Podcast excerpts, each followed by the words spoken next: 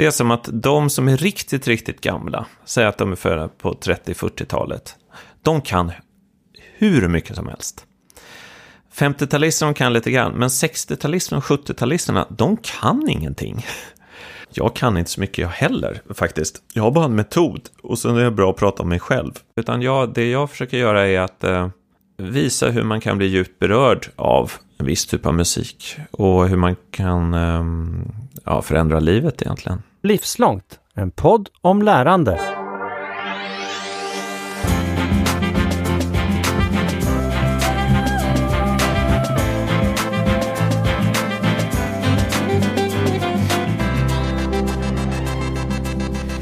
Du Karl, vad hade du för drömmar för ditt liv när du var ung? Vad tänkte du att du skulle göra en dag, om du nu alls tänkte på det?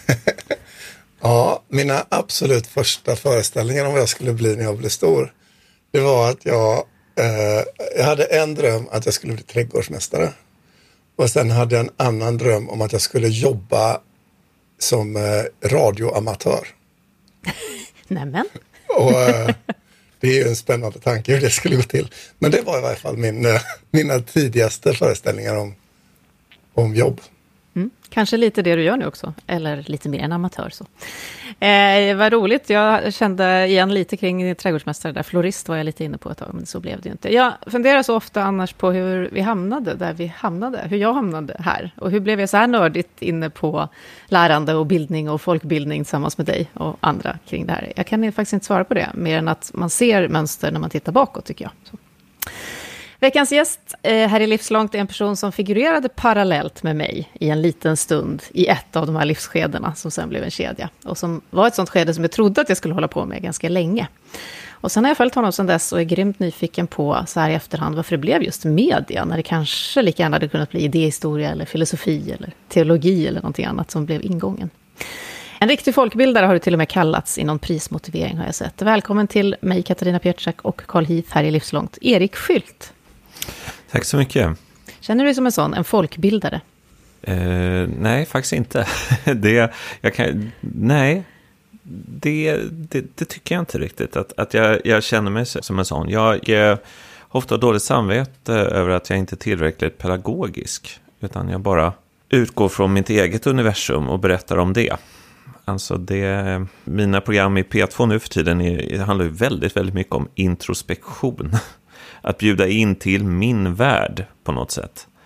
Men eh, på någon typ av omväg kanske det där skulle kunna bli till folkbildning ändå. Vad är det för dig, folkbildning? Jag kan säga så här, det är uppenbart i lyssnarkontakten då, de som hör av sig till mitt P2-program, att eh, i äldre generationer så, så är bildningen väldigt mycket mer, vad ska man säga, jämnt fördelad. Alltså det kan vara en 70-årig lastbilschaufför som skriver initierade frågor om, eh, frågor om Beethoven. Men det där verkar, så verkar inte vara i 30-årsåldern. Utan då är det mycket mer sådär beroende på eh, bakgrund och uppväxt och om man är från eh, storstad eller landsbygd eller ja. Det, det har hänt någonting. I alla fall i den, det som man skulle kunna kalla det klassiska bildningsarvet. Där har någonting hänt. Och det tycker jag är synd då. Det, det är fint med de här mejlen om Beethoven från lastbilschaufförerna. Eh, låt oss komma tillbaka till det, för det låter ju verkligen eh, som någonting att grotta lite mer i. Men eh, du har nämnt nu både P1 och, och, P2 och lite program och så. Kan du berätta för alla som nu inte lyssnar lika nördigt på dig som kanske jag gör, vem är du, Erik? Ja, vem är jag? Um, ja, uh, jag brukar väl kalla mig i alla fall för kulturjournalist och programledare just nu är jag pappaledig på halvtid så att eh, jag lever ett så fruktansvärt intensivt liv måste jag säga. eh, dagarna är varje minut är i princip planerad faktiskt. Eh, men under den här halvtiden så just nu hinner jag faktiskt få färdigt mm, tre program. Eh, två som går varannan vecka och ett som går varje vecka. Det som går varje vecka är då text och musik i P2. Och sen så gör jag en eh, podd för Expressen med Daniel Sjölin, gamle ja, Babel-programledaren och författaren. Den heter Två män i en podd och sen så har jag ett sidoprojekt som egentligen är det projektet som har flest lyssnare. Och det heter Myter Mysterier som jag gör med en idéhistoriker som heter Per Johansson. Och det där gör jag väl just nu, sen har jag gjort lite andra saker tidigare. Men eh, Så att det är ju i princip det talade ordet som står i centrum. Det måste jag säga. Drömde du om det när du var liten? Som jag frågade Karl här i början. Eller, eller minns du vad du drömde om? Ja, jo, alltså jag, jag, tror jag hade mer högtflygande planer än så här. Tycker jag, du inte att det är tillräckligt högt? Eh, ja, jo, ja, det, det, det är okej. Men eh, jag ville ju bli kompositör när jag var ung. Skriva klassisk musik. Det var det som eh, som var mitt mål faktiskt. Och min mamma brukar då eh, påpeka att jag skrev min första opera när jag var tio år gammal. Som heter Stolen. Så en väldigt modernistisk opera faktiskt. Har du kvar något bevarat från det? Eh, nej, stolen eh, uppstod och dog i stunden. Ja. Men jag minns att jag framförde stolen för, för um, mamma och pappa och morfar och mormor. Morfar och mormor hade en väldigt bra flygel. Så att var där då stolen eh, framfördes med, med mig i alla roller. Förstås. Så att jag, jag hade sådana grandiosa planer som barn.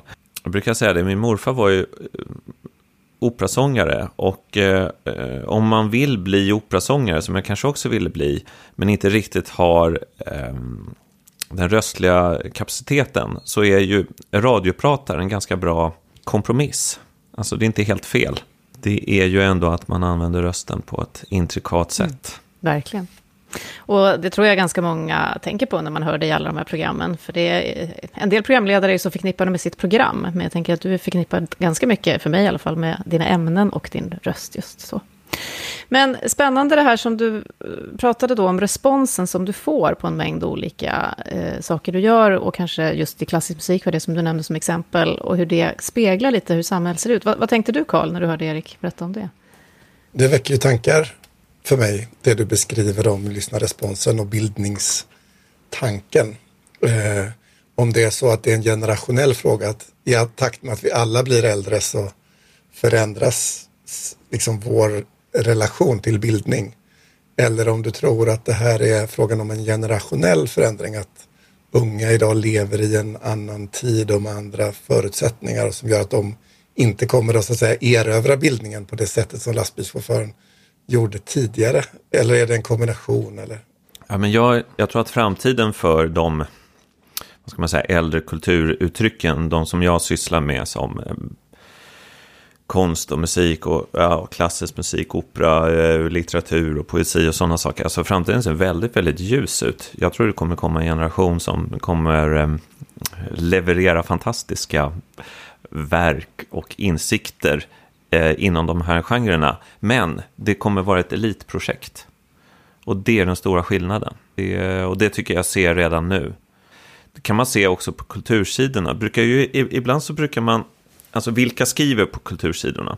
Om man tittar på en, en yngre generation, alltså de som är yngre än jag, så är det faktiskt nästan alla som kommer från ett väldigt, väldigt profilerat kulturellt hem. Det gör ju de att, att de som kommer nu har enorma kunskaper och ett jättebra självförtroende. Eh, så att eh, rent innehållsmässigt är det inte något problem. Men om man har en syn att den här typen av bildning ska ut till hela befolkningen, då det är inte dit vi är på väg. Det, det ser jag absolut inte. Och här, alltså public service är en av de viktigaste spelarna här. Och eh, jag är väldigt glad att P2 fortfarande finns kvar och att jag får göra mitt program. Men eh, man hade kunnat göra mer i den här frågan, absolut. Men då måste man ju också tro på att de här gamla sakerna har ett värde och att det, det eh, är viktigt att det ska föras ut.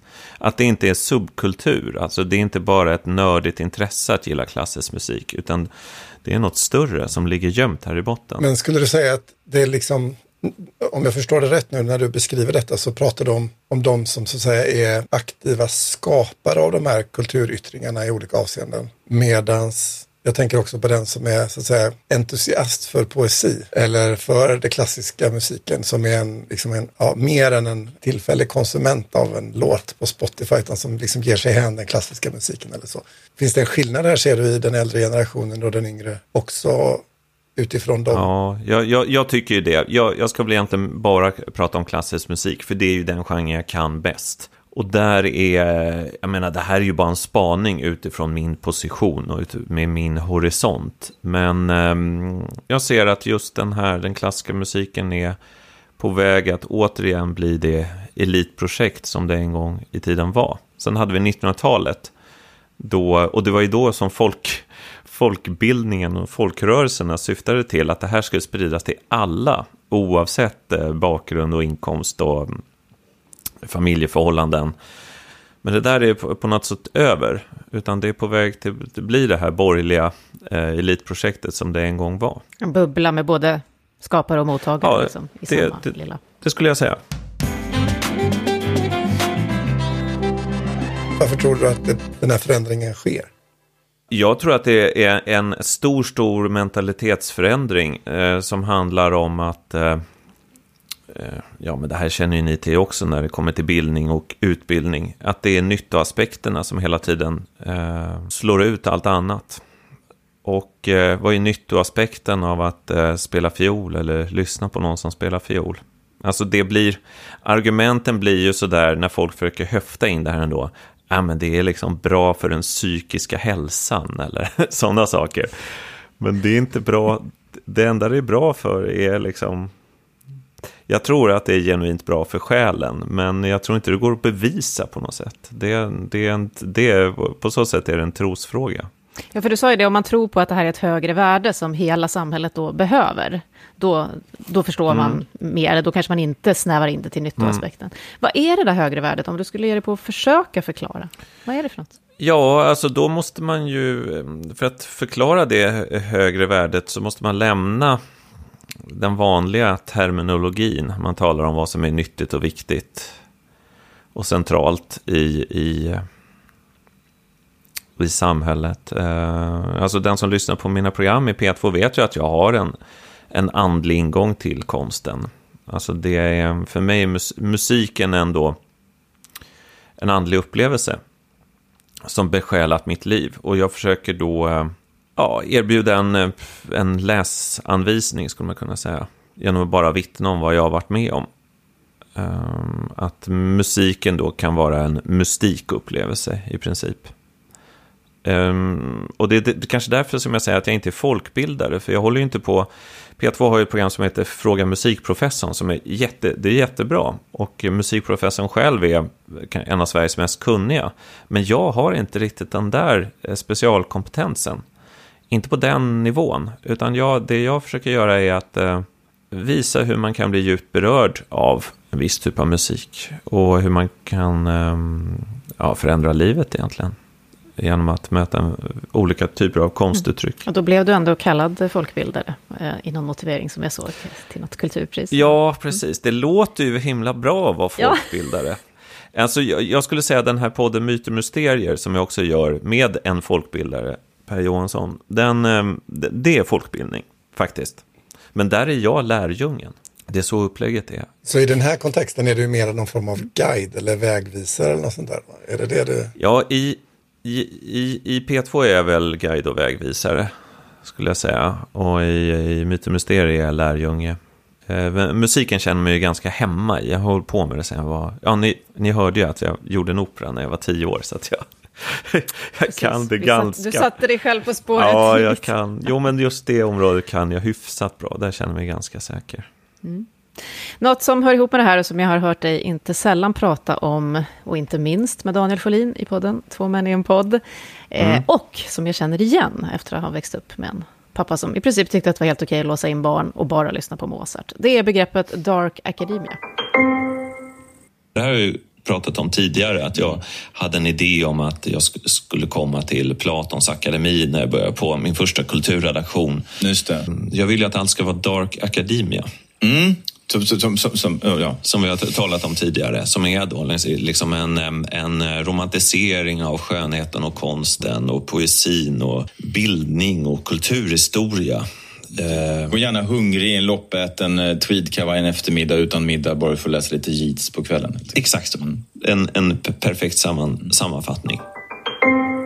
Ja, men det här var ju jättespännande. Det, det var en DN-artikel som kom i våras, tror jag, eh, där det var en sån, ja, skribenten eh, ringade in det här som en trend, liksom på nätet ungefär. Och sen, med att DN är som DN är, så var det också en problematisering att, ja, vänta nu här, Dark Academia, är det, är det något konservativt farligt i det här också? Men eh, eh, grundtanken är väl att det, det är liksom, kommer ni ihåg den här gamla romanen Den hemliga historien som kom på 90-talet av Donna Tartt? Jag tror vi var väldigt, väldigt många som läste den där eh, i unga år och blev fruktansvärt inspirerade. Det handlar om ett gäng som eh, går på någon fin, någon fin, eh, något fint universitet i USA. Far, där händer ju för sig farliga grejer, för det är ett mord inblandat också. Men eh, framförallt så är det ju en, en, en sammanslutning som vurmar för antiken och gamla tider. Och de har bakanaler utifrån olika eh, antika ideal om hur en fest ska se ut.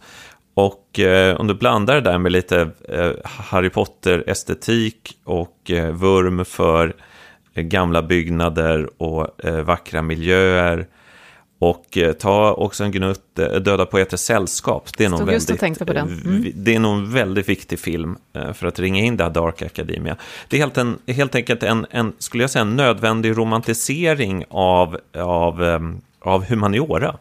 Humaniora de senaste decennierna riskerar hela tiden att bli någonting otroligt torrt och också självförintande nästan. Alltså att den, den kritiska aspekten är, är, så pass viktig så att man tappar bort lusten. Det här är bara ett sätt att, att säga, det här är faktiskt kul, det här är faktiskt vackert. Det här bjuder in till en dröm, en, en drömsk värld. Och när den här termen då kommer, den här DN-artikeln, då insåg jag att det där är ju min grej. Dark Academia, det är, det, det är min värld. Ja. Det är min värld, det där, det där är det jag gillar. Och då, eh, då anammade jag den och tänkte, ja, ja, men nu vet jag, nu har jag en term på det som jag sys sysslar med. Och jag hittade då också en Spotify-lista som hette Dark Academia. Som någon hade gjort, jag vet inte, någon, det var någon som bara gjort den. Och jag älskade all musik i den listan. Så att det Men när du pratar verkligen. om det här med andra och när du, liksom det som lockar dig i den här världen, The Dark Academia-världen, eh, och så pratar du om att det ska vara för alla, att den här typen av bildning så ska vara för alla. Hur, hur tänker du, är inte det här elitistiskt? Eller hur tänker du att alla ska få plats i den här världen? Ja, alltså, alla kan ju kanske inte gå på universitetet och studera konsthistoria i flera år. Men det är ingenting för mig heller. Alltså jag var inget, jag var inget bra på universitetet. Jag läste en massa olika kurser, ingenting gick bra. Sen började journalistlinjen. Det gick inte heller särskilt bra. Liksom tragglade mig igenom den och det är ju väldigt låg nivå rent... Eh, akademiskt. Akademiskt. Alltså de försöker göra journalistik till akademiskt ämne. Det är ju ganska... Det är nästan omöjligt. Så det där, jag är en praktiker. Men jag är också en drömmare. Så att det här är en position där man kan vara mottagare. Och då tror jag nästan alla kan vara med på det här spåret.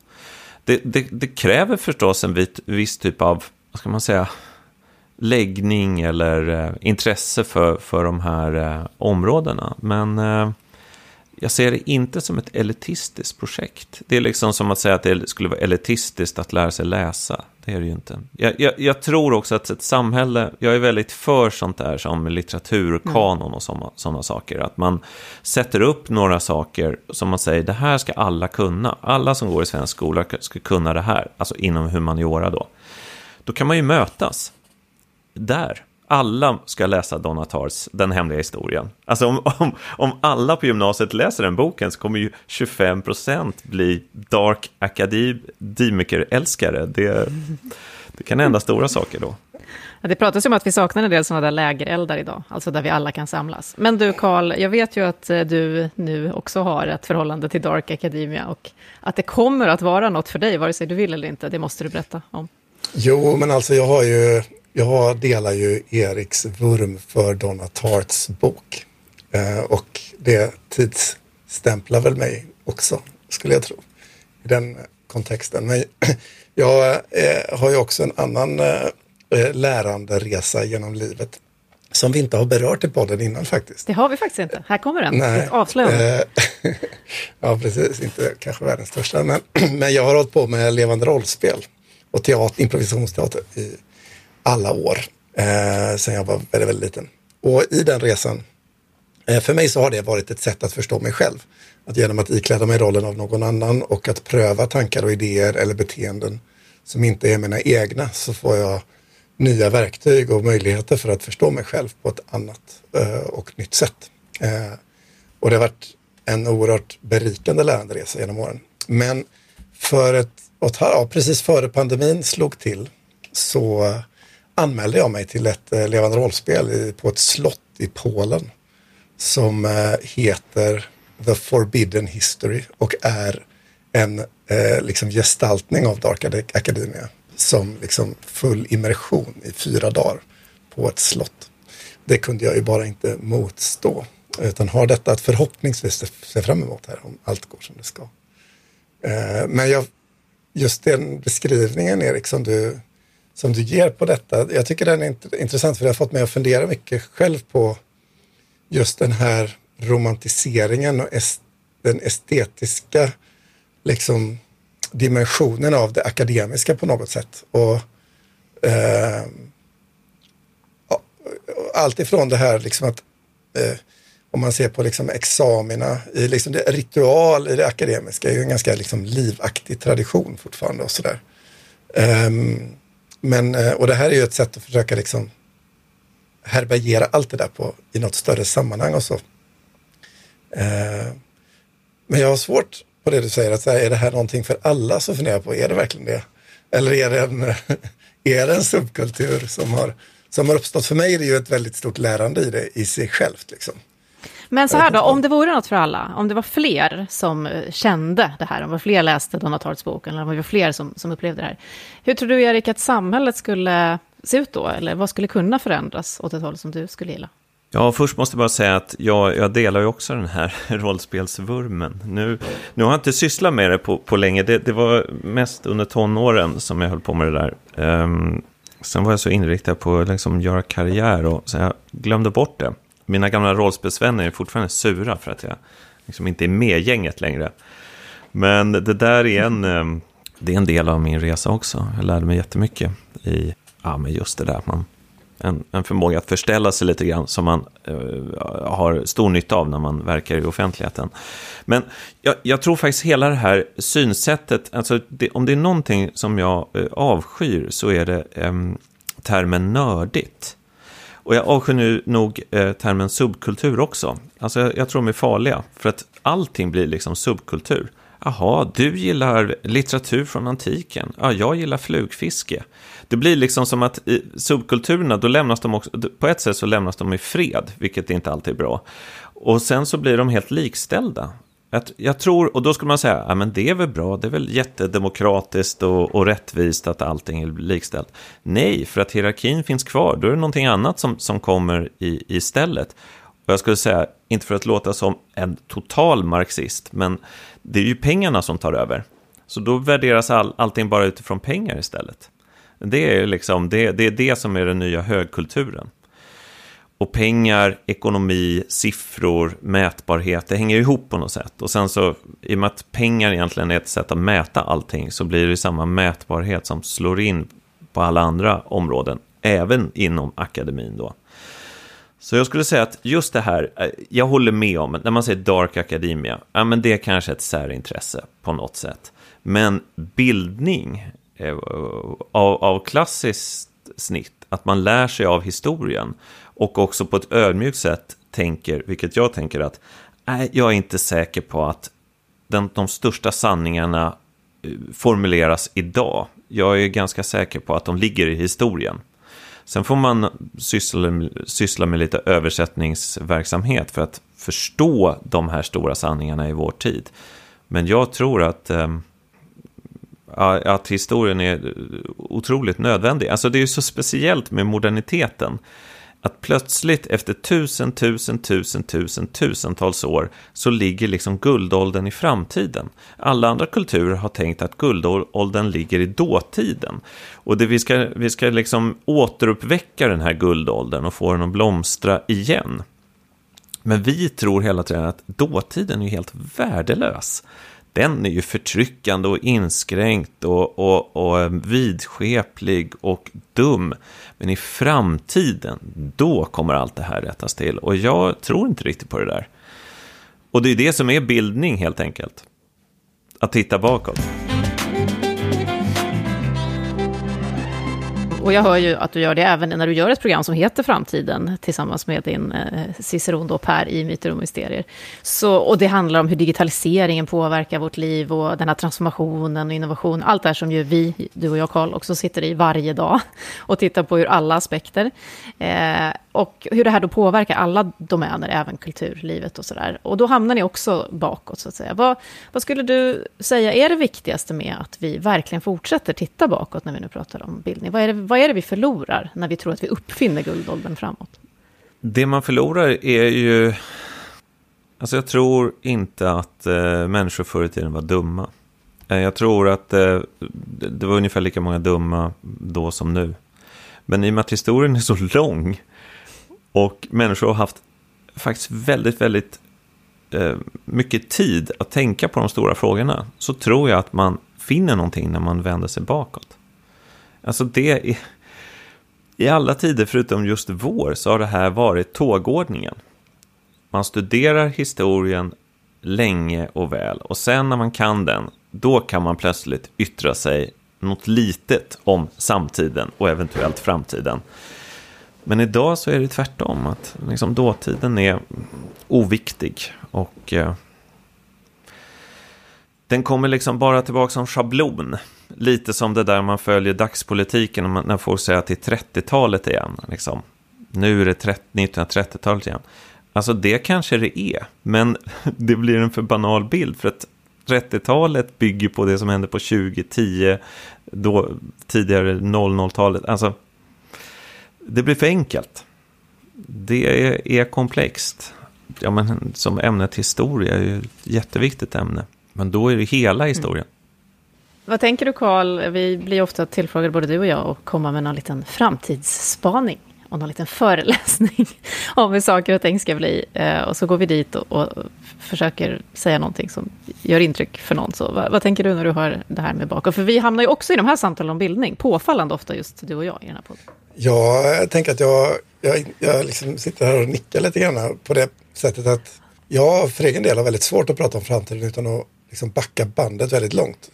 Eh, om jag liksom går tillbaka in i mina föreläsningar om framtiden så börjar de, antingen så börjar de någon gång liksom vid Platon eller så börjar de med industriell... Med din farfars farfar va? Brukar du börja? Ja, med industrialiseringens uh, intåg brukar jag också ta avstamp någonstans för att jag har svårt att uttrycka en idé om framtiden utan att först sätta den i en historisk narrativ.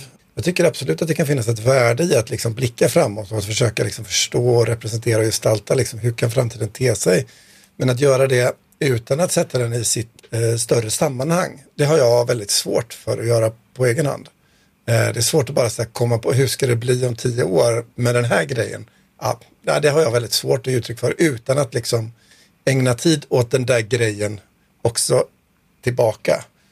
Eh, och att det är liksom mötet däremellan som formar en insikt eller reflektion om hur någonting hypotetiskt skulle kunna bli som sannolikt inte blir av.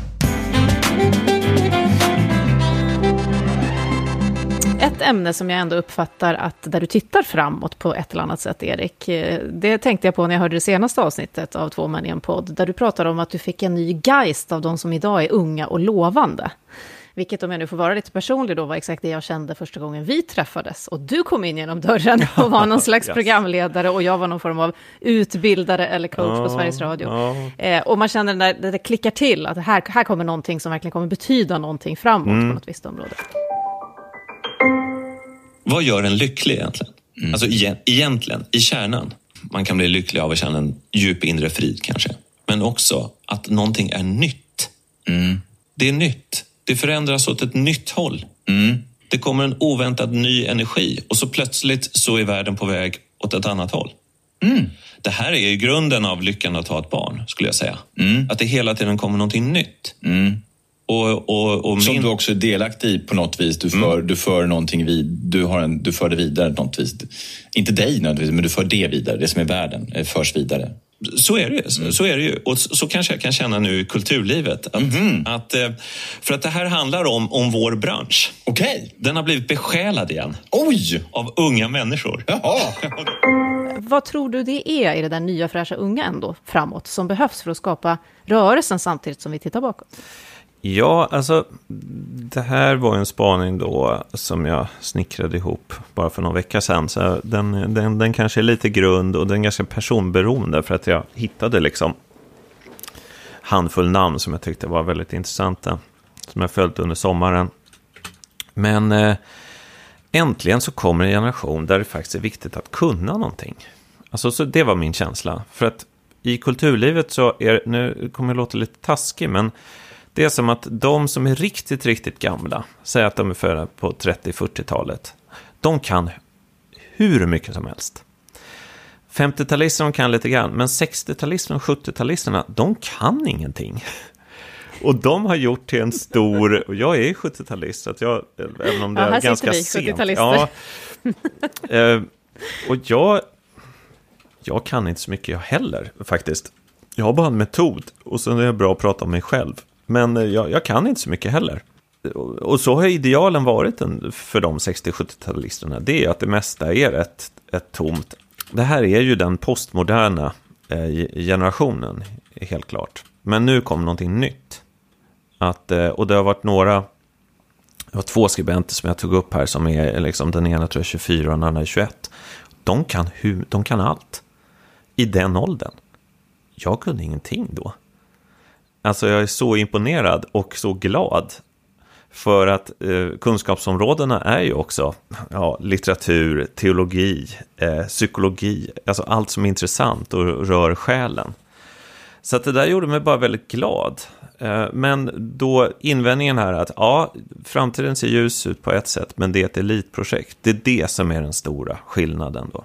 Och där pratar vi om att bjuda in alla ju, men har man också en skyldighet att lära sig mer och ha större kunskap, tycker du? Jag hör dig ibland säga att man måste göra sin läxa. Har vi en skyldighet till lärande?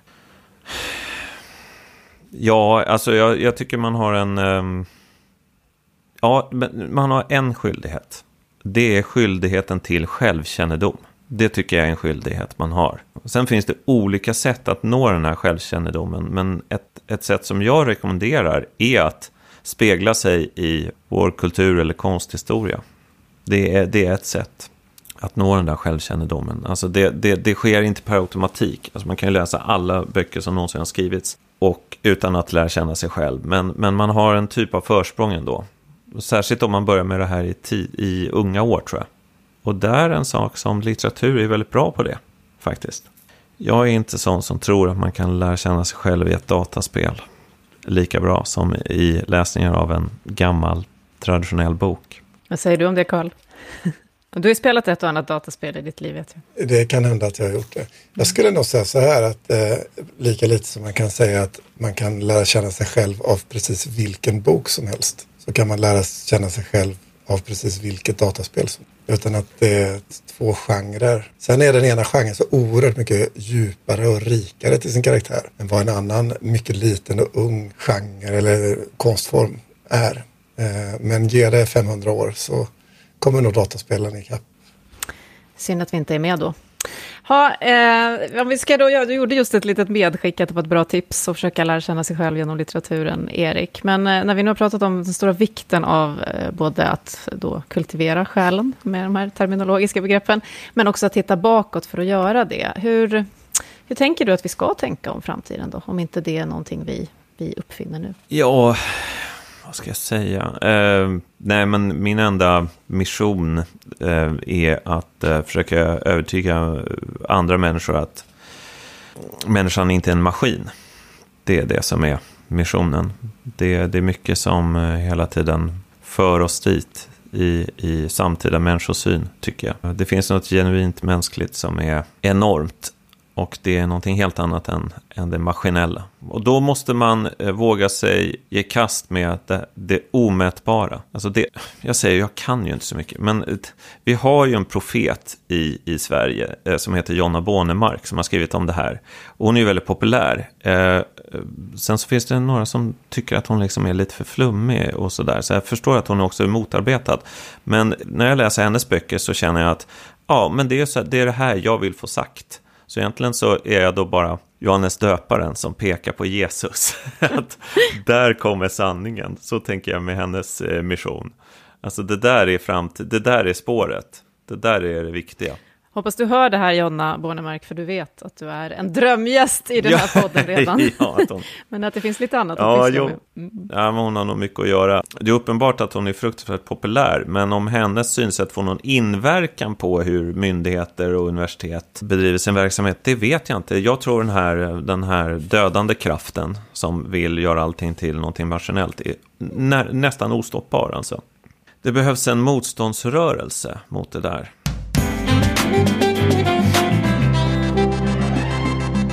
Förstår det rätt då om att du också liksom är inne på spåret att liksom bildningen och bildningens väsen på något sätt, det här narrativet kring sättet att förhålla sig till världen som, eh, som det omätbara eller det komplexa som Jonna Bornemark till exempel ger uttryck för och, och andra också därtill nästan är en förutsättning för att bildningen verkligen ska slå rot på ett ordentligt sätt. Det tror jag absolut. Alltså det, var ju det, det är ju väldigt spännande det här med den här gamla kårhusockupationen som är så känd. För att alla som höll på och ockuperade det där kårhuset Alltså det var väl kåren som ockuperade sitt eget hus. Så det var inte jätte, det var inte väldigt revolutionärt. De hade kunnat ockupera eh, Sveriges Radio eller någonting. Det, men, det, men i alla fall, det man protesterade mot var ju de här universitetsreformerna som ledde till att det skulle bli mer strömlinjeformat och mer liksom, re, resultatinriktat. Eh, det, det där får man inte glömma bort, att det, det de här kårhusockupanterna protesterade mot var, var ju väldigt bra. Alltså de, de hade rätt i, i, sin protest. Alltså högre utbildning borde ju vara helt förutsättningslös, alltså, tycker jag. Ja, vi får väl se om eh, Dark Academia eller någon slags avknoppningar av det kan bli den motrörelsen som du beskrev att vi behöver. Ja, men det kanske det kan bli ändå. Eh, jag tror på det här. Vi lever i en tid utan motrörelser, jättekonstigt. Alltså djupa motrörelser, det finns ju tillfälliga motrörelser, men av, det här djupare slaget som verkligen... Alltså så här, får jag säga en sista sak här, om jag får bli lite politisk. Om alla stora företag som drivs till 100% av kommersiella intressen, där det bara handlar om att tjäna pengar, det finns egentligen inte någon, någon djupare moral. Om de har som sitt slagord, gör skillnad, vilket väldigt, väldigt många stora företag har, då vet man att det där göra skillnad, det är ett perverterat begrepp. Det betyder egentligen gör inte skillnad. Förstår ni vart jag vill komma? Absolut. Och jag vet faktiskt inte om jag ska skratta eller gråta, men ja. Nej, men det, det, det är bara att jag har studerat så pass mycket mystik i, i de här, med de här mystiska människorna jag träffat under 40 år i livet, 42. Den här typen av retorik är svart magi. Det kan jag säga att jag är helt övertygad om. Det är en väldigt avancerad förförelsekonst. Stort tack, Erik Skylt, kulturjournalist, poddare, skribent och eh, kanske då ledare av, eller medverkande i, en motrörelse som har Dark Academia. jag vill inte vara ledare, jag vill inte vara ledare, jag kan vara... Nej, vi kan göra det ihop. Ja, vi gör det ihop, precis. Vi gör det ihop, det blir jättebra. Stort tack. Tack. Nu eftersnacket. Alltså jag kan nog se en, jag satt och funderade på liksom så här, men det finns ju motrörelser, den är bara inte organiserad, eh, upplever jag det som. Och jag tror att det finns rätt många som, det finns ju en anledning till att Jonna Bornemark går så bra som hon gör ändå. Så jag tror att det finns en motståndsrörelse, den vet bara inte om att den är det och den har ingen riktning och ledning. Ja, du ser motrörelsen. Ja, ja, men det är bra. Nej, men motståndsrörelsen är att de som är del av motståndsrörelsen kommer ju samhället se med djup skepsis mot. Det är det som blir, är problemet med Greta Thunberg. Alltså hennes avsikter är säkert totalt genuina och goda, men hon äts ju upp av de kommersiella krafterna direkt och blir en figur i det spelet. Och när hon hamnar på framsidan av de här stora amerikanska tidningarna, då är liksom mots motståndsrörelsen död. Alltså, förlåt en kristen här, men Jesus korsfästes. Han hamnade inte på framsidan av någon tidning. Han var liksom genuint farlig.